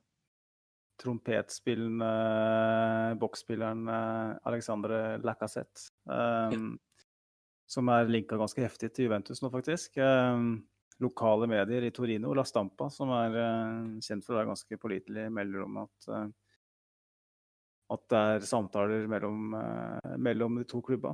Mm. Det har jo vært ganske mm, mange uker nå hvor han har blitt linka til Juventus. Uh, Atletico Madrid er òg nevnt. Uh, sikkert litt sånn enkel matte for journalister, ettersom han har vært uh, nesten klar for dem tidligere. Men det virker som det absolutt er noe i det her. Hvorvidt er- blir enig, vet jeg ikke, men han er jo en spiller som har to igjen på kontrakta. Han er 29 år. Det er en spiller Arsenal absolutt kan få en god del penger for. Mm. Og en spiller som kanskje ikke, hva skal jeg si, har innfridd eh, forventningene 100 selv om det har vært en, absolutt en, en brukbar spiller for oss. Så her tror jeg absolutt at det kan skje noe. Så er jo da heller spørsmålet eh, hva gjør Arsenal eh, for å erstatte den? Mm. Det syns jeg er interessant. Veldig. Eh, nei, jeg tenker jo Hadde vi vært en klubb med ubegrensa penger, så hadde ikke Lacassette vært en spiller vi hadde sett på å selge. Det tror jeg ikke. Fordi han, eh, som du sier, han bidrar Det har vi snakka om også til det kjedsommelige tidligere. Han bidrar jo for lagets del på en veldig positiv måte. Jeg mener at jeg så en, eh, en sak her for noen uker siden hvor det kom ganske tydelig frem av tallene at både Aubameyang og PP skårer eh, mer med Lacassette på banen. Og det tenker jeg nok at ikke er så tilfeldig, for han involverer seg i det angrepsspillet fra en oppbyggingsfase på en helt annen måte enn det f.eks. da Eddie Nketia gjør. Eh, så det er klart, for lagets del så er jo Lacassette en, eh, en på mange måter viktig spiller. Så det er ikke bare, bare greit om han eventuelt skulle ta turen, men jeg forstår det jo veldig godt fra et eh, økonomisk perspektiv. Da. Og vi har jo, som vi var inne på da, en, en Ketia som har banka ganske hardt på døra, og også vært tilsynelatende foran uh, Lacassette på lista her. Så om, om det er den eneste erstatteren, så ser det jo fort tynt ut, men vi får jo tro at det kan komme noe annet inn i tillegg, kanskje. Ja, det blir jo en, en, en avveining her, da. Hva, hva, må vi faktisk ut med for å Mm. hente en erstatter? Kan uh, Nicolai PP eventuelt gå inn og spille litt sentralt? Uh, ikke at jeg har helt trua på det, men ettersom William kommer, mener jeg. Uh, jeg vet ikke helt hva som er tanken, men med tanke på alder, med tanke på kontraktslengde, med tanke på at han Hva skal jeg si, ja? han er ikke Aubameyang. Han er ikke en spiller som vi kommer til å uh, gå av hengslene, bokstavelig talt, for å, hvis vi mister den. Jeg tipper at det kommer til å savne den, men hvis vi skal sette noen karakter, det er jo noe vi har tradisjon for i, i denne podkasten, så er det vel én til ti. hvis vi sier at ti er sannsynligheten for at han forsvinner, og én og én da er at han blir, så blir det vel da jeg vil si en åtter for at den stikker. Såpass, ja. Hm. Baserer det på kilden som rapporterer det? Ja, det, det er jo godt mulig at den kilden er, er, såpass nær at den skal tillegges ganske mye vekt, men uh, det er overraskende høyt, egentlig. Jeg tenker jo det har vært mye snakk om Lacassette i lang tid, så sånn sett så var jo på en måte dette her bare enda litt mer på, på det lasset der, da. Men ja, nei, jeg, jeg velger å si en, en sekser, jeg faktisk. Jeg har litt troa på at han, han, får lov til å bli, bli litt til. Selv om jeg ser det som vanskelig å nødvendigvis få, få gitt han noen ny kontrakt i den situasjonen vi står i nå. Så ja, jeg, jeg tror at vi, vi, skal slite ganske mye for å få en ja, jeg, Hvem er det som er på markedet disse dager? Jeg vet ikke. Men uh, vi har ikke vært linka til noe særlig spisser, har vi det? Så det vil vi åpenbart bli hvis uh, Lacassette går. Men, jeg, så, jeg, jeg, jeg håper at Lacassette blir, i hvert fall. For han eh, Folarin Balogun, som eh, alle meldte at eh, var ferdig i Arsenal eh, før sesongen var over her, var vel i mm. mai ca., var det ikke da? Ja, jo. Han var tilbake på treningsfeltet nå og kom med sånne kryptiske meldinger på Twitter osv. Så, videre. så jeg vet ikke om det har skjedd noe der. Eh, kanskje, kanskje har Ariteta så klokketro på Nketia at han tenker at en, en Bologun kan uh, gå inn og spille en slags tredjefiolin, kall det hva du vil, der. Jeg vet ikke. Nei, Vi har jo hatt Martinelli på spissplass eh, ved noen anledninger som har gjort det ganske greit. så Satse på unggutta, det, det kan vi jo like, men eh, det kan også bli litt tynt. Vi får se. Eh, vi snakker eh, heller litt om en som vi ryktes å kjøpe. Det er jo litt hyggeligere ofte enn en de vi skal selge. Eh, og da har jeg lyst til å nevne Gabriel Magalhres. Hvordan er det man sier navnet hans? Det vet jeg ikke. Nei, altså, jeg er ikke helt sikker selv, men det er vel Brasilianer i hvert fall, så det hørtes sannsynligvis litt annerledes ut enn dette her. Men uh, Lill stopper venstrebeint, 22 år, om ikke jeg tar helt feil. Har jo vært uh, kobla til Arsenal nå egentlig hele sommeren. Alt av uh, det som dukker opp av rapporter, tilsier at uh, han er ganske close. Arsenal har visstnok fått akseptert et bud på litt over 20 millioner pund. Han har vel også tilbud, i hvert fall vært, hatt interesse fra Napoli, United, Everton. Så, sånn som det vel kom fram i går, i hvert fall så står det mellom Arsenal og Napoli. Så får vi håpe at uh, det frister mer med en London-tilværelse. Ja, altså han har vel eh, eh, et tilbud fra Napoli òg, men det avhenger vel eh, litt av hvorvidt Napoli er i stand til å kvitte seg med Kolubali, Da. Eh, altså, det høres jo litt dumt ut, for det, det, de ønsker sikkert helst å beholde Kolibali, men eh, det er vel en eh, erkjennelse innad at, at, han kommer til å forsvinne.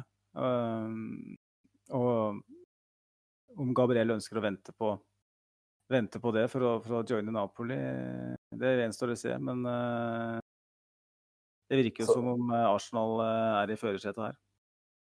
Ja, nei uh, Hvis jeg skal sette et, et tall der, da vil jeg i hvert fall sette opp nieren, faktisk. Det vil jeg.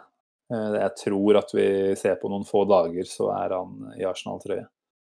Mm. Det, det, blir jo et fint tilskudd da, til midtstoppergjengen vi allerede har. Fy fader, for en gjeng.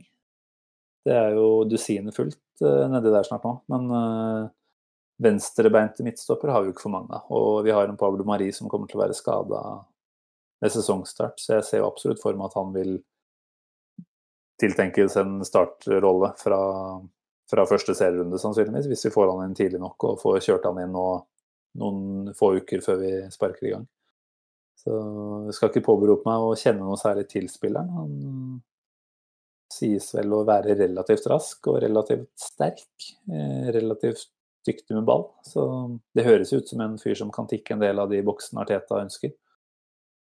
Ja, det er en, en, en midtstopper som uh, flere enn Arsenal ønsker seg. Det har vært litt, uh, litt sånn i senere åra. Vi har henta en del stoppere som uh, det, virker ikke som det er så veldig mange andre, andre, som er interessert. Vi betalte jo store summer for Mustafi. Vi henta Sokratis fra Dortmund, som ikke virka som det var noen stor konkurranse rundt. Uh, Rob Holding fikk vi for to millioner pund, ikke sant. Og, det er jo, og Pablo Mari var det jo vel ingen andre toppklubber som var interessert i. Så det er jo litt sånn uh, betryggende å, å, jakte på en spiller som uh, åpenbart er stor interesse for. Da. Det er et kvalitetstegn.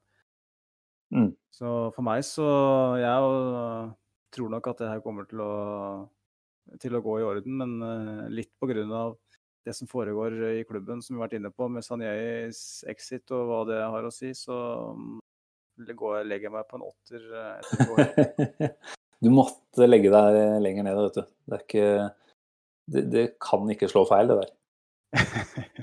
Men det er greit. Vi, vi, er vel ganske enige om at vi tro, har troa på dette her, uansett, da. Skal vi ta noen, eh, noen Jeg tenker jo, Når vi først er inne på stoppere, ja, få det på. Få det ut. Ja, for vi, vi må jo kvitte oss med noen stoppere. Eh, og en som litt uventa er linka ut, eh, er jo David Louis til mm. eh, renn i, i, i ligaen. Som faktisk har klart å kapre en Champions League-plass eh, sesongen her. Eh, veldig overraskende så dukka det opp en rapport en rapport, en report, det ble litt sånn engelsk-influert, men en, en, en, artikkel fra en fransk avis fra en eh, Jeg er ikke, ikke helt sikker på, på, kilden der, jeg også, men uh, ifølge på, på Twitter iallfall så virker det som det er ikke en sånn type kilde som bare farer med, med pølsevev. Uh, så er det snakk om at uh, at de er interessert i å kjøpe Louise, og at Louise og kan være interessert, da. Men jeg, jeg, tror ikke Jeg tror det her kan være noe oppspinn. Altså. Jeg, jeg, jeg klarer ikke helt ja. å se at Louise ønsker seg ønsker seg bort, uh, sånn som situasjonen er. Han har akkurat fått bestekompisen sin i klubben, i, i William. Og mm. han er uh, uh, trives i London og har bodd der store deler av de siste ti-tolv åra. Så mm. nei, den setter jeg en toer på. Ja, nei, jeg må jo si at når du disker opp med en sånn lokal fransk nyhetskilde, så, så, får jeg jo trua. Jeg gjør jo det. Men, og jeg syns jo absolutt at Kia skylder oss å La oss kvitte oss med Louise uh, for en god penge, men jeg har ikke trua på det sjøl. Så jeg tenker jo at kunne vi fått igjen Nå betalte vi vel 8 millioner for den i fjor. Kunne vi fått igjen en sånn slags sum og sluppet å betale den lønnen hans et år, så hadde det vært fint. Selv om han selvfølgelig har, har noen pluss i margen når det kommer til erfaring og Eh, den eh, rollemodellen han sannsynligvis også vil kunne være for, eh, for de som, som, trenger det. Men nei, for, dette var helt nytt for meg før du dro det opp, så da tenker jeg at det bare er bullshit, egentlig. Ja, sjekk gjerne Twitter. For de som lurer er nysgjerrig på det, så er det bare å søke Louise Renn, så kommer det opp ganske mange, ja. mange tweets på det det er jo ikke en match du ser for deg, i hvert fall. Eh, så det eneste som taler for at det kan skje, er jo at de er i Champions League. Men selv da så tenker jeg jo at Renn er en klubb som drives i det relativt små. Eh, skal de ta over lønna til Louise, som sannsynligvis var det vi fant ut var på, 1,4-1,6? Et eller annet sånt?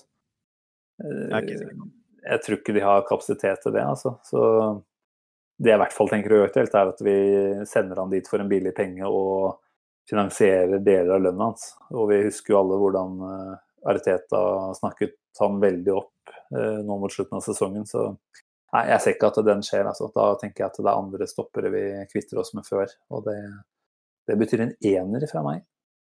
Oi. Nei, for Spørsmålet er jo Vi kan jo gå videre til uh, en annen stopper. Uh, det er jo stoppere som er i søkelyset nå. Uh, fordi at med Gabriel inn, som vi antar kommer til å skje, så, så, har vi for mange stoppere. Og spørsmålet er jo da om David Louis er en av de få som genererer noe interesse. Mm. Sokratis er en annen som blir nevnt ganske hyppig faktisk nå i italienske medier. Napoli først og fremst. Napoli mm. er jo liker jo gjerne å forhandle med Arsenal, eller iallfall eh, jakte på de samme spillerne som Arsenal. Vi er, Napoli blir sånn klubb som alltid går igjen. Uh, dem, uh, det er lokale kilder der, uh, der nede som, som, melder at dem ønsker Sokratis, uavhengig om dem får Gabriel eller ikke. Da. I tillegg så er Roma nevnt Er det vel av Gazzetta, tror jeg, som eh, Altså at det ønsker seg han som en erstatter for Chris Smalling hvis han ikke kommer permanent. da. Så, og jeg kan jo se for meg at Sokratis han er jo han er ikke noen glamorøs type. Han er åpenbart ikke en spiller som passer i et Arteta-system, men han er jo en OK forsvarsspiller, så om ja. han går til Napoli eller Roma, vet jeg ikke, men uh, ser ikke på det som usannsynlig at han uh, Nei, det gir jo mening på alle måter, det. Altså, vi betalte 18 for den, vi kommer jo ikke til å få i nærheten av det tilbake. Han har vel ett år igjen av kontrakten. Men uh, får vi fem millioner for han og slipper å betale lønna hans, så tenker jeg det er et pluss. Ja. Det er en fyr som spilte noen få kamper på høyrebekk etter at Arteta kom inn omtrent, og vel kanskje sist, en av de siste rundene hvor det var noe manko på stoppere.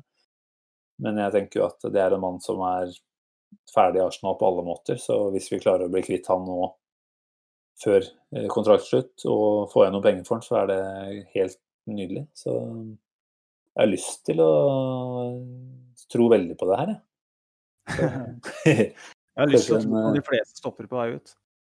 Eh, ja jo, men jeg tenker Sokratis, selv om jeg egentlig syns typen er ganske fin. Jeg liker jo Han nekter jo å smile på bilder, og han er eh, kompromissløs og en, eh, en harding. Jeg syns han er en artig type, men som spiller i et Arteta-system så tror jeg ikke han er verdt veldig mye. Så eh, håper at han finner seg et annet sted å sparke ball. Og da setter jeg en åtter på at han, han er borte nå ved sesongstart.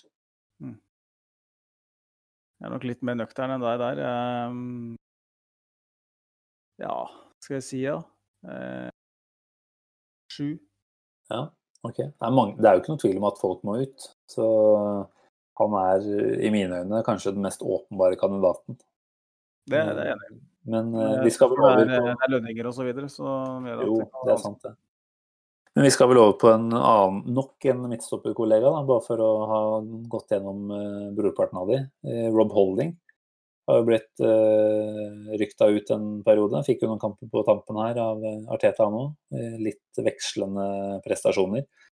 Men uh, Leeds, som har rykka opp, uh, sies jo å være ganske interesserte. De hadde jo en Ben White fra Brighton på lån, men han får de ikke beholde. Så de ønsker seg en ny engelskmann i sine bakre rekker. Tror vi Rob Holding er en fyr som tusler ut døra? Jeg synes det, det synes jeg er veldig vanskelig. Det er vel kun Daily Mail som har rapportert det, så vidt jeg kan ha sett. Dem er jo ikke akkurat til å stole på, så jeg vet ikke Hva er det du sier? Er ikke Daily Mail ti av ti til å stole på? Nei, med Daily Fail Sjokkerende. Men nei det er klart Vi har en kvote vi skal fylle her med egenproduserte spillere osv. Så sånn, som er litt viktig å tenke på. Um, Rob Holding er en spiller som kanskje er fornøyd med å være et fjerde-femte valg uh, i Arsenal.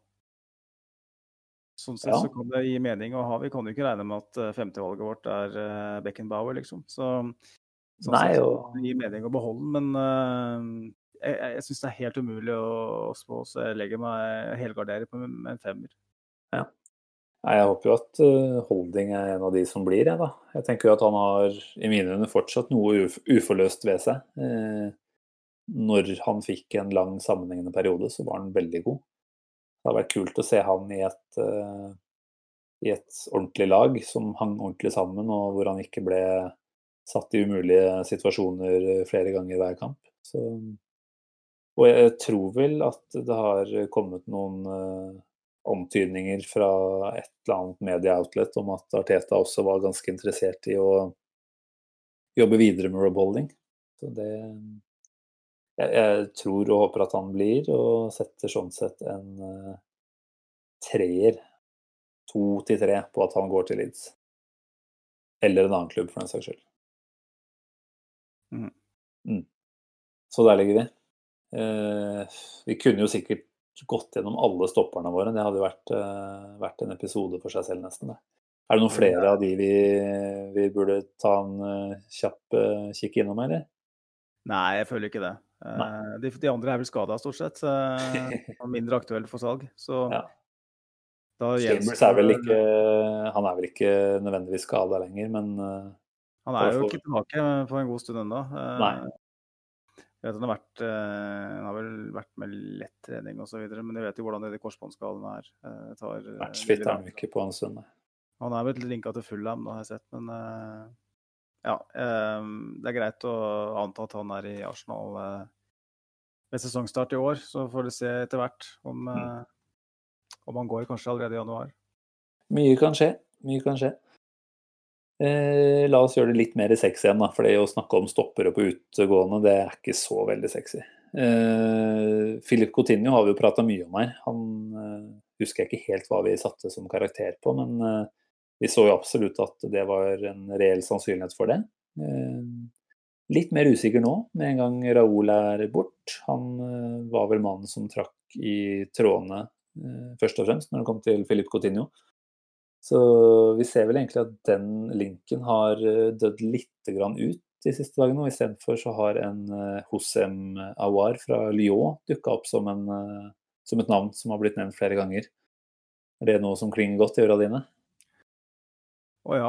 Uh, jeg har ikke sett kjempemye av spilleren, men det er klart uh, Det er jo en sånn type som uh, Arsenal definitivt kunne trengt. en spiller som er linka til det meste som kryper av gårde av storklubber. han er en kreativ midtbanespiller som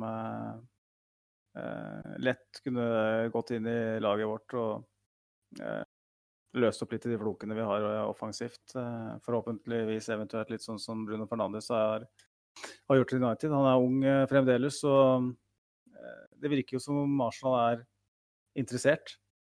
Lekip er det vel som har kjørt historia med hvor Arsenal angivelig skal ha tilbudt Gendosi pluss litt cash for, for den. da. Jeg vet ikke mm. med helt tro på det, men uansett det hadde vært jævla fint, det, altså. Men eh, jeg har ikke trua på at vi klarer å lande den.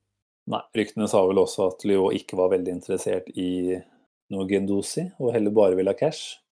Og jeg tror ikke vi har nok cash, rett og slett, til å kjøpe ut han. Jeg tror eh, det er veldig mange som kunne tenke seg Awar.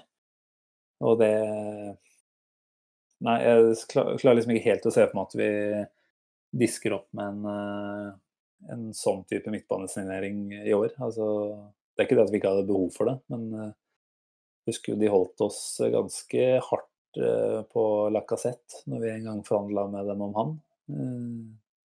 Ser for meg at Awar ville kommet på en et eller annet sted mellom 50 og 70 millioner pund, og da Ja, nå snakkes det jo også om at Party kun kommer hvis man betaler ut utkjøpsklausul på 50 millioner. Så vi bruker ikke 50 pluss 50 på de to, i hvert fall. Så da, da må vi velge en av de, tror jeg. Så Awar i mine øyne, det er, det er ganske usannsynlig. Og det, det, er noe som ja, har ligget der litt i bakgrunnen ganske lenge og vært et slags rykte som har versert, men nei, jeg syns det høres litt medieskapt ut nå akkurat pga. Raoul-exiten. Så jeg tror ikke det er noe umiddelbar eh, oppblomstring av eh, sannsynlighet for vår del her. Så en, eh, en treer igjen fra min del. Riktig. Da skal han få samme karakter som jeg fikk i tysk muntlig på ungdomsskolen. Jeg var veldig fornøyd med en toer da. Mindre fornøyd med en toer her. Jeg tenker at to av seks er ikke så ille. To av ti er verre. Så nei, jeg tror vi er eh, samstemte der òg, om at det, det, har vi ikke veldig trua på. Da avslutter vi med nevnte Thomas Party. Jeg skal ikke snakke veldig mye om han, eh, men jeg husker jo undertegnede var veldig sikker i sin sak på at han kom til å dukke opp eh, da vi hadde vår første podkast. Jeg tror vel til og med at vi titulerte podkasten deretter. Mulig at jeg angrer på det var Ja, det trekker ut. Atletico er akkurat uh, utslått av Champions League for noen dager siden. Så det er kanskje først nå de neste dagene at vi vil kunne se en utvikling der. Men har du, har du troa på at den dealen skjer, eller? Det var jo litt partystemning for noen uker tilbake, uh, når uh, ryktet sto som hetest. Nå, i likhet med med partyfaktoren eh, ellers eh, pga. Eh, kjente årsaker, så, så har det blitt litt mindre stemning rundt, rundt, rundt party. Det er de samme tinga som blir gjentatt gang på gang, og jeg begynner liksom å lure på om det her kommer til å skje. Eh, det er åpenbart interesse der. David Ornstein, eh, som er veldig pålitelig. Eh, Fabrizio Romano, som er veldig pålitelig. To av de absolutt mest pålitelige kildene mm. der ute. melder jo om interessen, så den er jo der. Men eh, Arsenal må angivelig da betale ut hele klausulen i én go. Det er ikke snakk om, inn, eh, snakk om å betale over en to-tre års periode. Det er snakk om å betale 50 millioner euro. Up front, ja.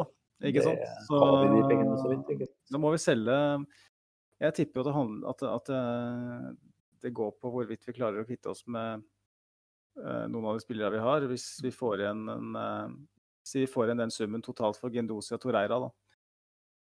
Så ser jeg ikke på som usannsynlig at de pengene blir eh, lagt i en Thomas Party-deal. At vi da kanskje får en Ceballos i tillegg på lån fra, fra Real mm. Madrid. Mm. Og sånn sett så ser du kontur av, av en midtbane. Eh, men eh, per nå så Jeg husker ikke hvor vi la oss. Eh. Du la deg nok betraktelig lavere enn meg, i hvert fall. Men jeg skal nok kanskje kunne jenke meg Jeg tipper jeg lå på en åtter, jeg. Så jeg, jeg kjenner jo at jeg har fått litt mer isvann i årene siden da. Så fra mitt ståsted så blir det en sjuer i dag. Da er det bare rett og rimelig at jeg legger meg på sekseren. Stemmer det. Uh, og det, det, er jo ganske optimistisk. Det, ja, jeg tenker jo Det er jo det, det vil si at da, da sier vi at det er større sannsynlighet for at han kommer enn at han ikke kommer. Ja, og det er jo som vi sier, altså Det har kanskje ikke vært noe, noe grunn til å tro at det skulle ha skjedd noe særlig eh, innen nå heller, fordi det har pågått eh, kampforberedelser og kamp eh, fra Atleticos side. Så, så, det er jo først nå de neste dagene og ukene framover eh, som blir veldig spennende. Og klarer vi å gjennomføre det vi bør gjøre av dealer på en relativt eh, kort preseason, det er jeg veldig skeptisk til. Eh, sesongen sparkes har du, har du, lyst til å bli litt sliten uh, mentalt, så skal jeg fortelle deg det, som du allerede vet, at overgangsvinduet stenger 5.10. det er så lenge til. Sesongen sparkes i gang 12.9, så det betyr at vi har en, ja, nesten en måned, da, drøye tre uker med spekulasjoner etter det. Det, det høres slitsomt ut, ja. Oh. Men eh, ja, nei, vi, vi, har på en måte runda lista for uh, overgangssnakk her. Jeg tenker jo at vi, vi skylder jo lytterne å dra fram det store høydepunktet, som er eh, deg og din X-spillerspalte. Så jeg lurer på om eh, du skal få lov til å bare kjøre i gang med det?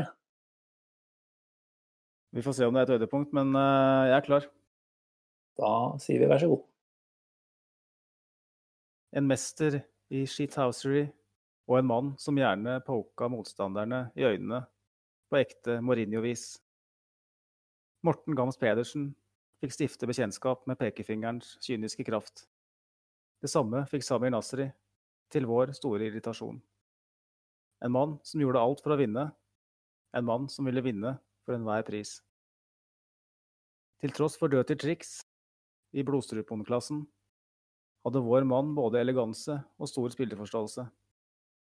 Med litervis av Shockwaves wetlook ispedd i en uovertruffen frisyre var han diamanten i et heller industrielt maskineri styrt av en av engelsk fotballs mange dinosaurer. Dog på denne tiden var vedkommende ansett som the next big thing på managerfronten, og han nøt godt av både shithousery og kreativitet levert av stjernespilleren. Stjernespilleren vokste etter hvert fra sin sjef, både på og utafor banen.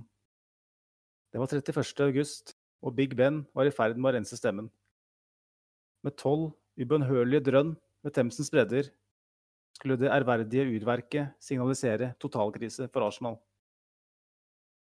Rett før viserne gikk i posisjon, kom redningen. Dinosaurens diamant var blitt til professorens remedie. Arsenals nyervervelse gikk rett inn i hjertet av laget og hjalp til med å stabilisere ei kontrende skute. I en litt uvant rolle dypt på midten tok vår mann roret og manøvrerte klubben fra et sikkert forlis. Så dårlig sto det til. Massakren på Old Trafford var friskt til minne. I'd hate to be an Arsenal-fan. I løpet av sesongen ble det imidlertid mer OK å være Arsenal-fan igjen. Mye takka være stabile prestasjoner fra vår nye midtbanegeneral. Topp fire ble på ny sikra. Tradisjon tro med knappest mulig margin på bekostning av lillebror. Selv om mange mente den nye lederen på midten ikke helt sto i stil med sine ny, nylig solgte forgjengere, var de fleste enige om at han var en stor leder. Innad i klubben blir hierarkiet stadig mer imponert over redningsmannens lederevner. Sjelden har noen fått bedre skussmål. De kommende sesongene fortsatte på samme vis. Topp fire-trofeet ble markert ved at fansen lot være å takke av spillerne med applaus etter sesongens siste hjemmekamp. Lite visste vi. Men vår mann var en av få som alltid spilte etter godkjent på børsen. En særdeles undervurdert spiller fikk etter hvert sin belønning, ved å bli utnevnt til visekaptein. I dette embetet ledet han klubben til første, sitt første trofé på ni lange år, da Arsenal forsøkte å ta livet av alle sine fans i risikogruppen for hjerte- og karsykdommer. Året etter sto han atter en gang på ærestribunen på Wembley med FA-cuptrofeet heva over hodet. Denne gangen som klubbens permanente kaptein. I en tid med flyktige, upassende kapteiner var han et unntak. Et soleklart, åpenbart valg. Innflytelsen på banen ble merkbart mindre betydelig mot slutten av karrieren. Mye grunna skader, men vi kunne alle se at han ikke lenger dugde som styrmann i maskinrommet. Karrieren ebbet ut med en ny topp fire-plassering. Den foreløpig siste i Arsenals stolte historie. Et tårevått farvel, eller rettere sagt på gjensyn. Intervjuet etter kampen bar bud om denne mannens genialitet. En kjærlighetserklæring og en monolog om fotballfilosofi og treneryrket, hvor han også minnet oss på at Arsenal var langt unna der de hører hjemme. Mange håpa og trodde at den avtroppende kapteinen en dag ville returnere til klubben som trener. Tre og et halvt år senere trengte klubben nok en gang en leder og en redningsmann. Nok en gang trengte vi noen med stor spilleforståelse og en kynisk pekefinger. Nok en gang falt valget på professorens remedie. Og nok en gang har vår mann redda klubben fra et sikkert forlis. Selvsagt har han allerede heva FA-cuptrofeet på Wembley, denne gangen som klubbens hovedtrener. Det soleklare og åpenbare valget. Fremtiden ser lys ut, takket være Miquel Arteta. Nei, Det var vel som seg hør og bør at det var Mikkel Arteta som ble dratt opp på hatten i dag. Jeg syns det var et uh, meget godt valg, Magnus. Og fint, fint gjennomført, som, som, det ofte pleier å være. Det var eh, fristende å, å, gi han litt ekstra heder og ære etter, etter, det som skjedde på Wembley for eh, noen uker siden. Jeg må vel si at det er den letteste X-spilleren jeg har kunnet avslørt til nå, sannsynligvis. Så, så utfordringa var liten, men jeg koste meg desto mer. Det var, og det er som du sier, han fortjener det utvilsomt på det tidspunktet her nå, når han har kommet inn nok en gang og han har gjort det til sin eh, foretrukne gjerning han å løfte FA-cuptrofé. Så vi kan jo like det, selv om vi også gjerne skulle løfta helt, eh, helt andre ting. Så, så, er det et fint, fint, sted å starte det etter en halv sesong i klubben med pandemiutfordringer og ah, det har jo ikke vært måte på hvor mye motgang han har, eh, han har måttet stå i. Så han har hatt et godkjent første halvår som Arsenal-manager, det må vi kunne si. Var det slik at du, at du skjønte det allerede med den uh, øyepokinga, eller? Eh, ja, det, den husker jeg. Det syns jeg var litt artig. Jeg mener å huske at ikke det skjedde noe heller. Var det samme kamp hvor, uh, Nei, det var kanskje, nei, nå blander jeg veldig, tror jeg. Nå tenkte jeg at det var samme kamp som Morten Hans Pedersen uh, filma noe helt sinnssykt, men det er mulig at jeg var en annen. Nei, for det var den som spilte Everton. At han uh, Ja, gjorde det mot, mot Gans Pedersen. Og så gjorde han det samme mot uh, Samir Nasri. Jeg er ganske sikker på at det var Nasri uh, på Emirates en gang. Og da, da likte jeg Arteta svært lite. Eh, jeg tenkte det her er en skikkelig drittsekk. Men eh, det er slike ting du trenger. eh, for Det viste seg jo at drittsekken var Nasri, utvilsomt. Ja. Lite visste vi.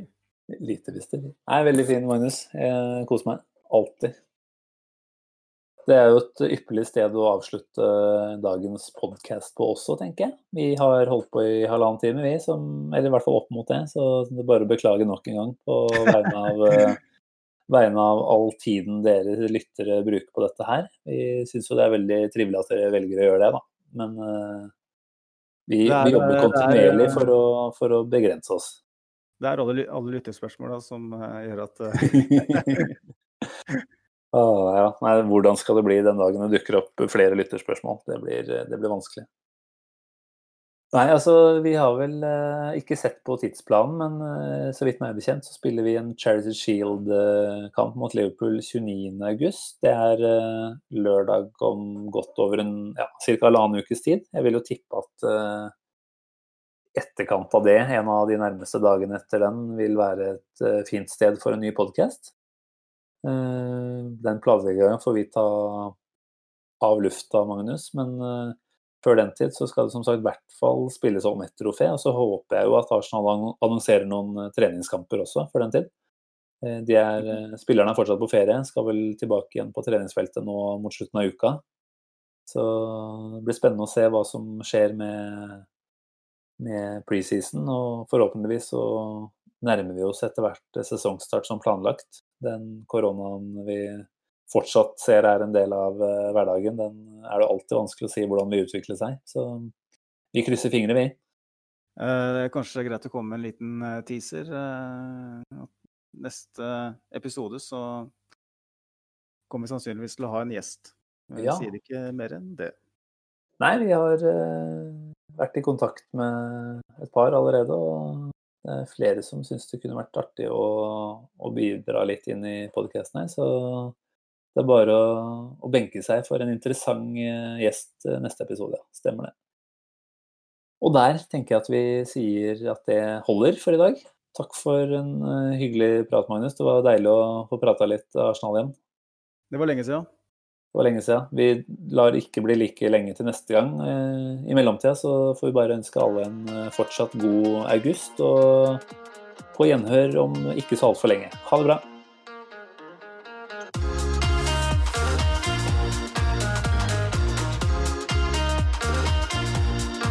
This train terminates here.